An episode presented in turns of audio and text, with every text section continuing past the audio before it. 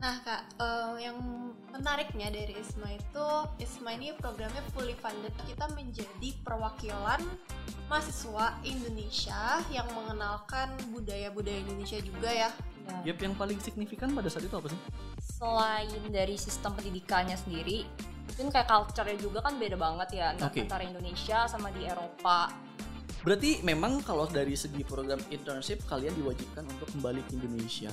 Kenapa milih ACC? ACC itu kan uh, Astra Credit Companies dan itu juga merupakan salah satu perusahaan kredit terbesar gitu di Indonesia. Terus aku juga lihat ini tuh di bawah Astra gitu yang notabene-nya juga udah punya nama lah gitu di Indonesia. Aku melihat deskripsinya dan cukup menggiurkan sih kak untuk aku. Kenapa? Karena di Starship ini kan kita diberikan tanggung jawab untuk salah satu itu kita melakukan improvement pada departemen. Perbedaan apa yang kalian rasakan dalam segi konteks soft skill ya? Yang kalian dapatkan dari sebelum internship sampai akhirnya udah mau selesai nih program Starship kalau dari segi soft skill menurut aku banyak banget sih yang didapetin nah, kalau misalkan Starship ini tiga halnya adalah professional setting, career exploration, sama skill development Halo, welcome back to Dobrak Podcast di balik obrolan karyawan. Jadi balik lagi sama gue Didi Triadi. Uh, di sini kita akan ngobrol santai aja sih sama teman-teman internship di Astra Credit Companies. Kebetulan kan di ACC kita punya beberapa program intern. Nanti mereka akan cerita mereka itu ikut program yang mana, terus di sini ngapain, ekspektasinya gimana. Pokoknya kita akan gali eh, hal-hal yang mungkin uh, bisa membantu teman-teman untuk dapat gambaran kira-kira kalau mau join intern di kita tuh mekanismenya seperti apa, programnya ada apa aja dan caranya gimana.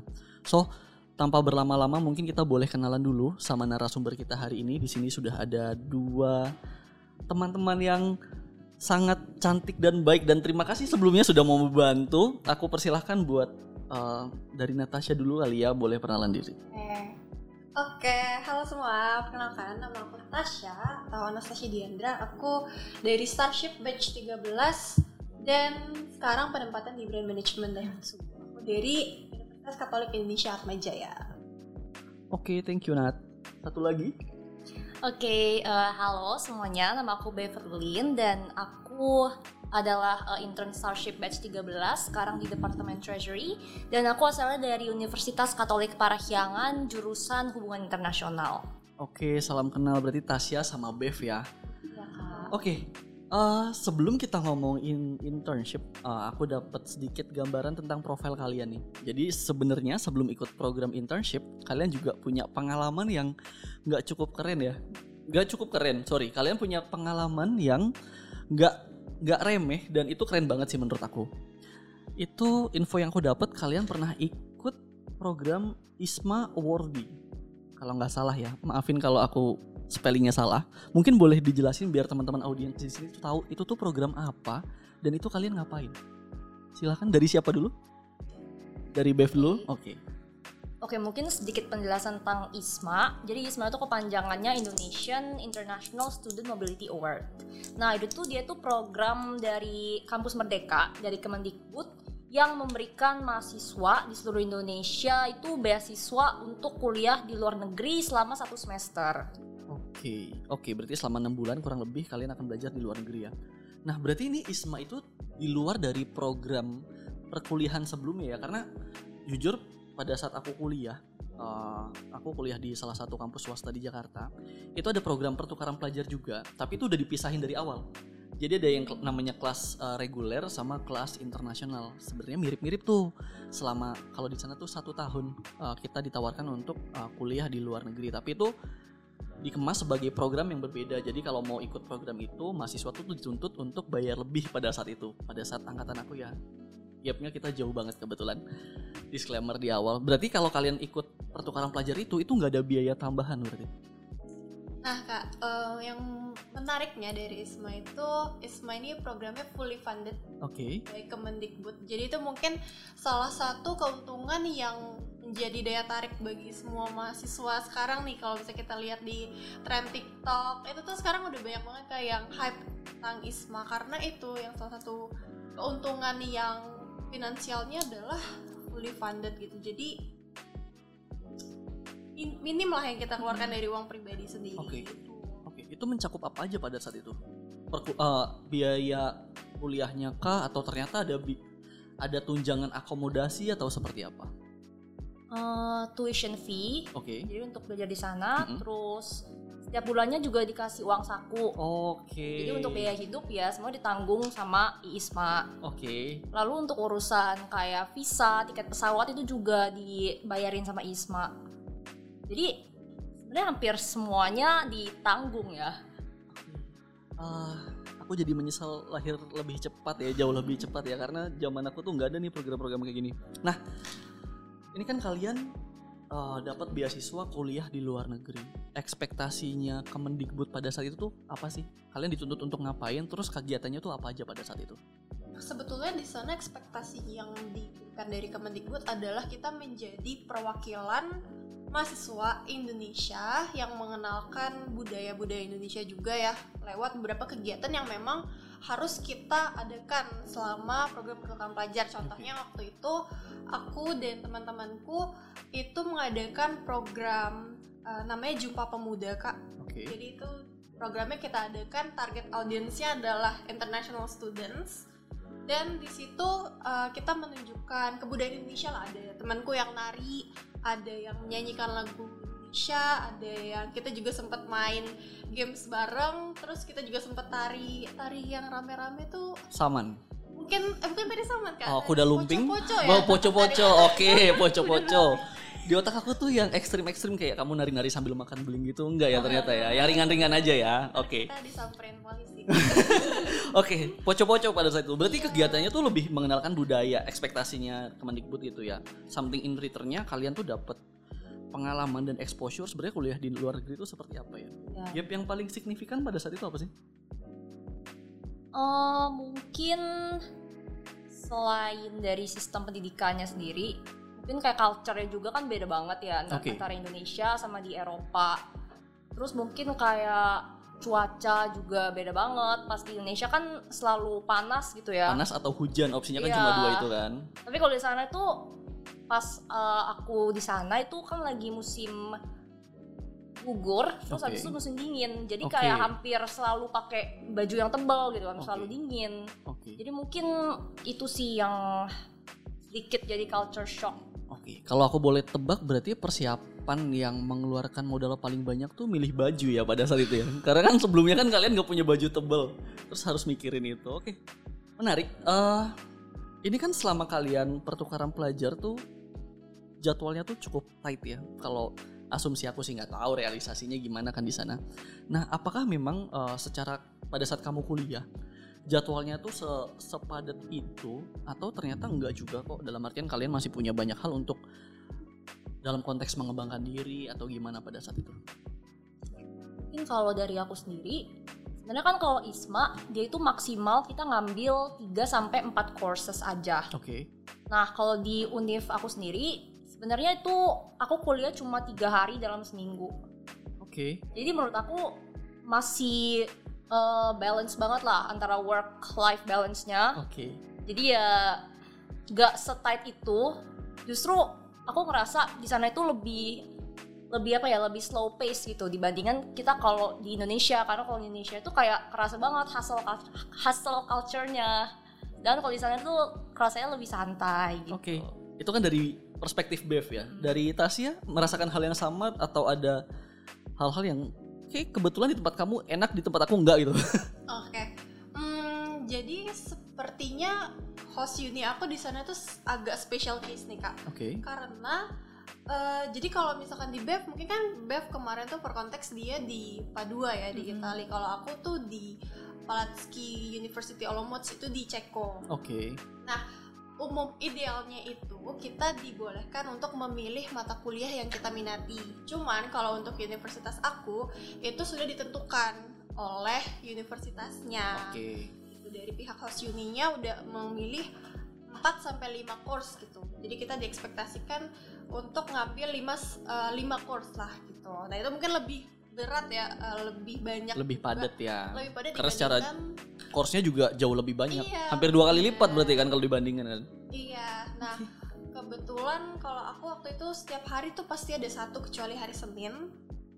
Jadi ya cukup cukup terasa sih kak. Eh, kalau misalkan jalan-jalan pun susah ngatur waktunya karena masih ada kuliah gitu. Ah, aku boleh sedih dulu nggak ya? nah, eh, dengan perbedaan kompetensi itu, aku aku coba tanya ke Bev dulu ya. Pada saat itu dengan waktu yang luang, itu proses pengembangan diri yang kamu rasakan tuh seperti apa, Bev? Dalam artian, kamu punya banyak waktu, kamu ngapain aja waktu itu sampai kamu ngerasa, oh aku punya kompetensi yang bisa dikembangkan nih pada saat itu. Itu ada hal yang kamu lakukan nggak? Eh, paling kalau misalnya aku lagi ada waktu luang itu aku eh, manfaatin buat kayak eh, explore kotanya. Habis itu kadang aku juga traveling juga sama teman-teman dan kadang aku juga pernah ngumpul juga sama local friends di sana. Oke. Nah, terus kan pas bulan-bulan Januari Februari itu kan mulai ada eh, pendaftaran MBKM nih yang magang. Mhm. Nah, jadi aku juga mulai nge-research research tuh di web, web MBKM-nya tentang perusahaan apa nih karena aku aku pengennya pas pulang ISMA itu langsung ada kegiatan gitu. Jadi aku mulai eh, cari magang dan akhirnya juga aku ketemu sama program Starship ini dari web MBKM juga. Oke, berarti memang anaknya tuh nggak bisa diem aja ya. Oke, ah, memang berarti secara secara jernih, secara timeline, Isma ini memang ja, eh, periodnya tuh dilaksanakan sebelum program internship itu dijalankan ya. Iya. Kenapa kalian milih internship di Indonesia? Kenapa mumpung lagi di sana, coba explore opportunity internship yang ada di sana? Gak tahu apakah ternyata nggak bisa kah karena regulasinya tidak memperbolehkan atau seperti apa? Apa mungkin boleh diceritain? Oke.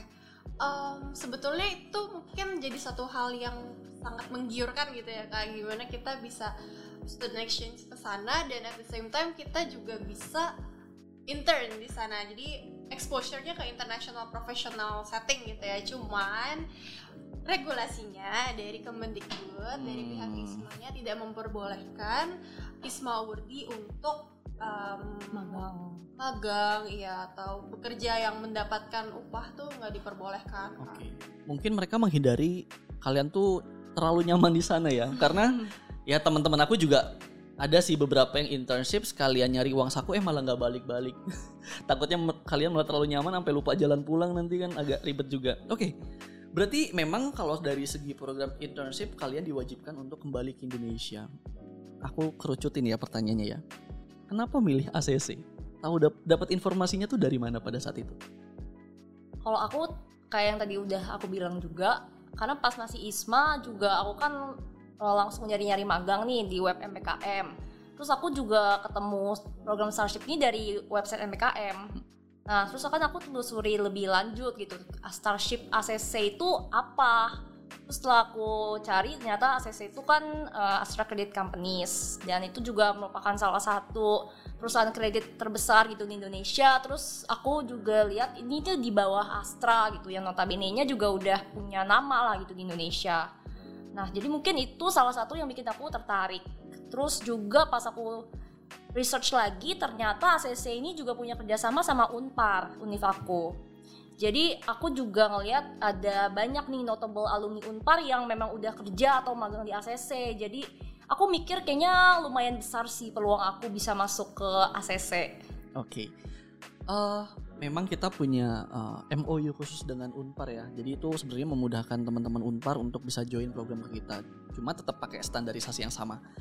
Kayak harusnya kan kalian merasakan tuh didaftarin psikotes, di interview. Nah, memang kebetulan banyak banget teman-teman Unpar yang akhirnya join ke kita. Apakah kamu sempat nanya ke rekan-rekan yang pada saat itu udah sempat ikut program Starship atau even mereka daftar MT di ACC udah sempat nanya belum?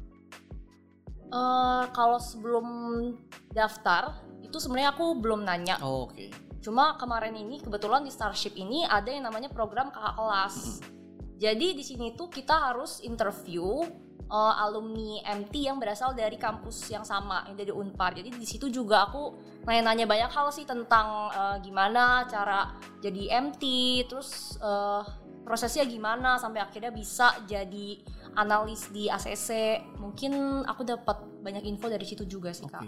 Sebenarnya tujuan aku eh, nanya seperti ini tuh bukan dalam artian aku itu mau mencari kesalahan ke kamu, tapi mau nyari aku tuh kurangnya ngapain ya sampai kamu tuh nggak tahu kalau banyak teman-teman alumni itu ya udah masuk sini dan ternyata awarenessnya tuh masih kurang.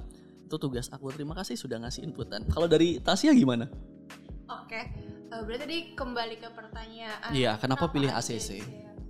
Hmm, sebenarnya sama sih proses yang aku laluin mirip lah sama Bev. Jadi aku tahu ACC itu dari kampus Merdeka, dari websitenya dan kalau di kampus aku tuh Kadiat Jaya diwajibkan untuk magang. Jadi memang ada pressure untuk ah, harus mencari tempat magang nih. Dan waktu itu muncullah salah satu nama ini Astra Credit Companies gitu. Terus aku melihat deskripsinya dan cukup menggiurkan sih kak untuk aku. Kenapa? Karena di Starship ini kan kita diberikan uh, tanggung jawab untuk salah satu itu kita melakukan improvement pada departemen. Jadi departemen penempatan kita kita harus mulai dari mencari isunya dulu lalu kita step-stepsnya bagaimana sampai akhirnya kita bisa menemukan solusinya apa ya untuk masalah ini gitu. Jadi itu yang membuat aku menarik tertarik sih kakak jadi kesempatan untuk sebagai anak magang tapi aku bisa meninggalkan sesuatu yang memorable atau yang useful untuk departemen Oke, mungkin aku mau sedikit recap ya dari jawaban uh, Tasya sama Bev. Intinya adalah kalian pertama memilih program magang karena tadi brand entity-nya ya di bawah Astra Group. Terus memang secara program juga benar tadi yang dibilang Tasya kita melakukan beberapa perubahan. Salah satunya adalah internship di kita tuh nggak hanya mengerjakan daily task, kalian udah pasti nggak dapat pengalaman disuruh bikin kopi sama user.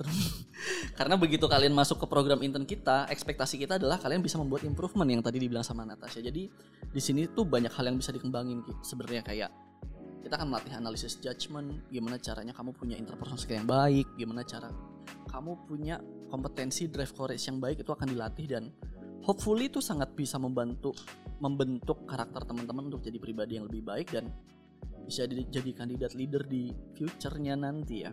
Nah, aku kok jualan banget ya. nah, ini kan kalian milih Starship. Kalian sebelumnya udah punya ekspektasi belum kayak oh, ekspektasi aku join ke ACC di program Starship tuh aku bisa melakukan A, B, C, D atau gimana pada saat itu? Hmm, mungkin kalau ekspektasi sendiri sih aku lebih ke pengen nyari pengalaman dan skill baru sih. Terus pas aku lihat juga Starship ini kan juga ada in class training nih tentang problem solving, tentang Excel, presentation skill. Jadi ekspektasi aku memang untuk ngembangin skill-skill yang memang berguna untuk dunia kerja nanti. Tapi realitanya juga sebenarnya aku nggak expect suruh uh, bikin kayak project improvement gitu. Terus kayak banyak tas-tas lainnya yang menurut aku juga cukup padat. Dan ya menurut aku itu cukup challenging tapi seru juga karena kayak benar-benar banyak room of improvement yang bisa aku asah gitu melalui project-project itu. Oke, malah kamu lebih ke kaget ya. Jadi ekspektasinya tadi tuh di tengah, malah ini di push untuk jauh lebih tinggi ya. Kalau Tasya gimana? Oke, kalau aku untuk ekspektasi kurang lebih sama sih kak. Tapi kalau misalnya dari aku kan tadi dari awal aku udah udah baca gitu ya, udah mengetahui kalau emang kita dituntut untuk project buat project improvement itu. Paling uh, ternyata realitanya ternyata memang betul dan memang uh, kalau untuk departemen aku sendiri yang aku suka adalah mereka sangat membantu selama proses uh, improvement aku ini. Dan aku tuh melihat ternyata apa yang kita laluin untuk mengembangkan suatu project improvement ini tuh ternyata sesuatu yang sama dilakuin sama anak-anak manajemen trainee ACC. Nah itu menjadi suatu uh, suatu pengalaman yang kayak wah ternyata anak magang di sini tuh juga mendapatkan hak yang sama gitu ya sama anak-anak manajemen trainee gitu. Jadi uh, bedanya kalau kita masih mahasiswa aktif, sedangkan kalau mereka sudah lulus gitu. Jadi kita mendapat uh, accelerate nih karir kita uh, mendapatkan pengalaman yang lebih lebih cepat gitu Uh, aku setuju sih sama statement kalian. Ini sebenarnya program internship ini juga salah satu tiket fast track apabila nanti kamu mau join ke program LDP yang kita punya kan?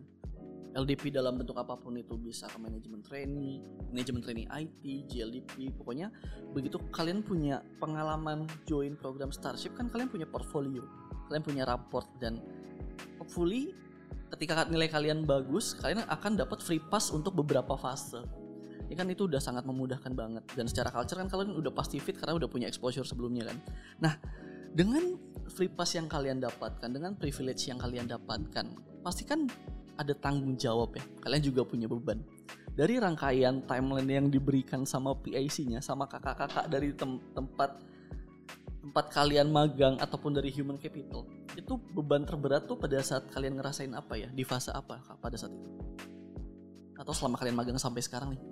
Boleh kalian cerita kayak, Kak, bagian terberat tuh pada saat saya disuruh podcast kayak hari ini itu nggak apa-apa juga sebenarnya. Hmm, kalau aku dulu kali ya kak. Kalau aku sih sebenarnya fase terberat mungkin kalau time range-nya itu di akhir Mei sampai awal Juni. Akhir Mei sampai awal tuh berarti bulan keberapa dari kamu internship ya? Bulan ke- April. Tiga.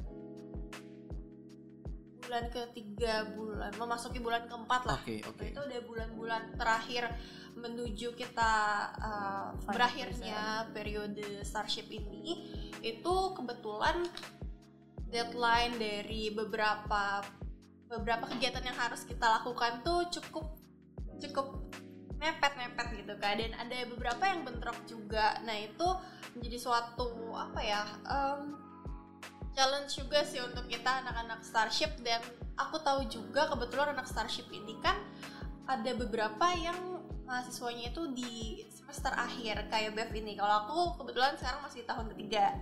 Jadi uh, beberapa teman aku itu ada yang sambil skripsi sambil sidang-sidang. Nah itu lebih challenging lagi tuh untuk mereka. Tapi untuk fasenya pada intinya di bulan-bulan itu cukup hektik sih kak. Sing- Terlihat dari senyumnya Bev ada beberapa hal yang mau disampaikan ya. Silahkan Bev kalau mau cerita. Eh, kurang lebih sama sih kayak Tasya. Karena kayak tadi di fase Mei sampai Juni itu memang deadline-nya mepet-mepet. Kayaknya kayak numpuk aja semua di situ gitu terus ya mungkin ditambah aku emang semester akhir dan kayak sambil skripsian juga. Jadi mungkin ya sedikit lebih hektik gitu ya. Udah magang habis itu ngurusin skripsi juga. Terus mungkin kalau untuk hmm, challenge lainnya mungkin di awal juga kan aku tuh ditempatin di departemen treasury. Yang itu tuh sebenarnya beda banget sama jurusan kuliah aku. Aku kan di Unpar tuh ngambilnya HI Hmm. Dan ya udah kayak aku datang ke sini tuh dengan benar kepala kosong gitu nggak ngerti apa-apa kayak harus belajar dari nol lagi kan tapi ya itu cukup challenging tapi thankfully kayak kakak-kakak di departemennya itu sangat open dan helpful banget jadi kayak proses belajar itu juga aku enjoy banget Mungkin sedikit uh, disclaimer ke teman-teman yang lagi dengerin ya. Memang secara karakter perusahaan kita memang perusahaan yang membentuk karyawan.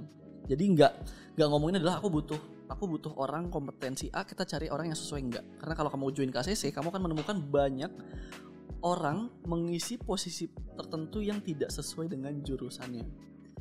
Kalau aku kan kebetulan aku di human capital. eh, sekarang dulu sempat pegang branding terus sekarang lebih banyak ke rekrutmen background aku tuh IT jadi ini tuh kamu tidak akan menemukan hal itu di perusahaan lain sih. Tapi itu menunjukkan kalau setiap orang berkem setiap orang yang join KCC itu bisa berkembang dan perusahaan tuh percaya dan mendorong kalian bisa melakukan hal itu. Jadi mungkin itu sedikit strength point yang bisa kita kasih gambaran ke teman-teman audiens yang lagi ngedengerin kita. Nah dengan challenge seperti itu proses development apa yang kalian rasakan? Apa yang mengubah kalian jadi kalian yang sekarang bedanya tuh sebelum ikut intern sama sesudah tuh apa tuh yang kalian rasain Kalau dari segi soft skill, menurut aku banyak banget sih yang didapetin. Secara kan kalau di Starship itu kita dapat in-class training juga. Kayak misalnya tentang problem solving. Jadi eh, mungkin kalau dulu nih aku tuh nggak ngerti nih cara nge-solve sebuah masalah itu harus pakai proses ini, terus harus dianalisa dulu akar masalahnya, terus baru kita bisa eh, nemu root cause-nya, baru ideate solution-nya. Nah dulu tuh mungkin aku kayak eh, langsung aja gitu nggak secara runtut menyelesaikan masalahnya cuma kalau di ACC ini aku ngerasa kita tuh bener-bener dilatih skill problem solving skill untuk critical thinking itu benar-benar diasah banget kayak kita diajarin untuk gimana sih nge-solve masalah dari awal sampai akhir. Terus untuk skill-skill lainnya juga misalnya Excel. Jadi dulu kan aku juga kurang familiar tuh kalau kerja pakai Excel, tapi sekarang di sini udah improve banget skill Excelnya. Terus di sini juga diajarin tentang presentation skill, terus uh, public speaking. Menurut aku tuh juga benar-benar terasa sih skillnya. Oke, dari Tasya dia mau ditambahin? Mungkin tambahan kalau tadi kan Bev udah sangat detail tentang soft skill yang didapatkan gitu ya kak selama Starship. Paling aku ingin membandingkan dengan waktu kemarin kita ISMA kali ya Oke. kak. Uh, jadi perbedaan dari kedua hal antara ISMA sama Starship ini aku saya rangkum dalam uh, tiga perbedaan masing-masing. Oke, terlihat kamu sangat menyiapkan jawaban ini dari bulan lalu ya. Nomor ini udah aku siapin. Oke, silahkan boleh diceritain ke teman-teman. ya. Oke, kalau untuk ISMA itu aku bisa describe dalam tiga hal yaitu cultural ex- exchange, Oke, terus juga um, academic focus, sama um, language uh, language acquisition. oke, Ya, jadi kita emang belajar bahasa juga di sana. Sedangkan kalau misalkan Starship ini tiga halnya adalah um, professional setting, career exploration, sama skill development. Skillnya apa? Itu yang tadi udah Bev jelaskan. Jadi menurut aku keduanya itu sebetulnya punya keunikannya masing-masing kak. Mana yang lebih menjual dan mana yang lebih menarik itu sebenarnya balik lagi ke kebutuhan dari mahasiswa, kebutuhan dari uh, kalian sebagai mahasiswa Uh, dan juga selain kebutuhan mungkin goals kalian ke depannya dan apa yang kalian passionate itu suatu uh, faktor lah yang akan menentukan kalian pilih ISMA atau kalian pilih Starship atau kalian pilih dua-duanya nih gitu. oke. Thank you jawabannya, eh, Nat. Aku tidak menyangka jawabannya akan sepadat dan sebagus itu. Jadi aku bingung eh, harus ngerespon apa. Paling kalian bisa kasih eh, saran nih ke teman-teman yang mungkin mereka tuh lagi di fase di belakang kalian. Mungkin mereka baru masuk kuliah terus mau mulai nentuin nanti roadmap mereka dalam eh, belajar tuh harus nentuinnya gimana dan pada saat nanti dia harus milih internship tuh pertimbangannya apa aja. Nah hal-hal itu mungkin kalau ada yang mau disampaikan saran-saran kalian ke adik-adik kalian di sana boleh disampaikan saat ini. Uh, mungkin saran aku untuk mahasiswa atau adik tingkat yang masih berkuliah, uh, menurut aku kuliah itu itu masa-masa di mana kita bisa explore sejauh mungkin gitu. Jadi setiap ada opportunity yang datang itu jangan takut untuk ambil kesempatan itu karena justru itu yang bikin kita tuh uh, tahu gitu, tahu jadi kita, tahu kita itu sebenarnya sukanya di mana. Jadi entah kalian mau ikut exchange atau mau ikut internship, menurut aku itu coba aja gitu, jangan takut gagal dan menurut aku itu memang jadi bisa jadi pengalaman yang bagus juga untuk mempersiapkan kalian ke dunia kerja. Oke terima kasih jawabannya yang sangat mengedukasi dan formal dan aku amazed sama jawabannya dan aku bingung harus ngomong apa setelah ini. Boleh dilanjutin ke Tasya ada tambahan nggak dari Tasya? Hmm, ada sih ya. Paling tadi menyimpulkan dari Bev aku setuju. Eh, kalau prinsip aku tuh sebenarnya gini kak. The world has so much to offer. Oke boleh jelasin uh, arti dari quotes itu apa Tasya? artinya adalah penjelasan Bev tadi Oh, Oke thank you sangat menjawab. So ada lagi yang mau disampaikan? Ada lagi. Oke apa lagi? Terakhir paling tips dari aku yang cukup manjur di kehidupan aku dalam menentukan apa yang harus aku lakukan selama kuliah adalah cari mentor, cari kelompok dan komunitas yang bisa uh, positif dan bisa memberikan kesempatan untuk kalian tuh berkembang. Karena sebenarnya nggak banyak, mungkin banyak tapi kalau dari aku sendiri cukup challenging untuk menemukan komunitas yang memberikan kesempatan anggota-anggotanya untuk berkembang gitu ya kak. Jadi eh, kalau misalkan kalian sudah menemukan lingkungan yang positif dan juga mentor yang positif mentor entah senior kalian di kampus atau kakak kalian itu kalian akan lebih tertata dan bisa mendapatkan pendapat untuk semester ini kalian akan ngapain ya semester depan kalian akan ngapain ya gitu Nah ini rasanya udah cukup panjang ya sesi kita ngobrol nggak ras- nggak kerasa banget karena obrolannya sangat santai dan aku sih ngerasa nggak kayak bikin konten ya tapi lebih kayak ya kita sharing aja. Hopefully teman-teman pun di sesi yang santai ini tetap dapat insight yang bisa membantu mengarahkan teman-teman ke arah yang benar. Walaupun kalau kalian nggak denger ini nggak dalam konteks kalian salah ya. Balik lagi. Hal yang kita lakukan adalah kita coba memberikan perspektif ke teman-teman. Semoga teman-teman tuh dapat insight dari apa yang kita obrolkan hari ini. So, thank you Tasya, Bev atas waktunya. Semoga apa yang kalian sampaikan itu bisa mengubah banyak orang dalam konteks kalian bisa memberikan banyak pengetahuan yang hopefully itu bisa mengubah orang itu ke arah yang lebih baik juga ya. Paling gitu aja. Uh, teman-teman jangan lupa untuk selalu dengerin konten Dobrak Podcast itu bisa kalian cek di YouTube kita di ACC Karir ataupun bisa cek juga di Spotify kalian langsung klik aja di kolom search podcast itu ketik aja Dobrak Podcast. So gitu aja uh, teman-teman sampai jumpa di konten selanjutnya. Bye bye. Bye.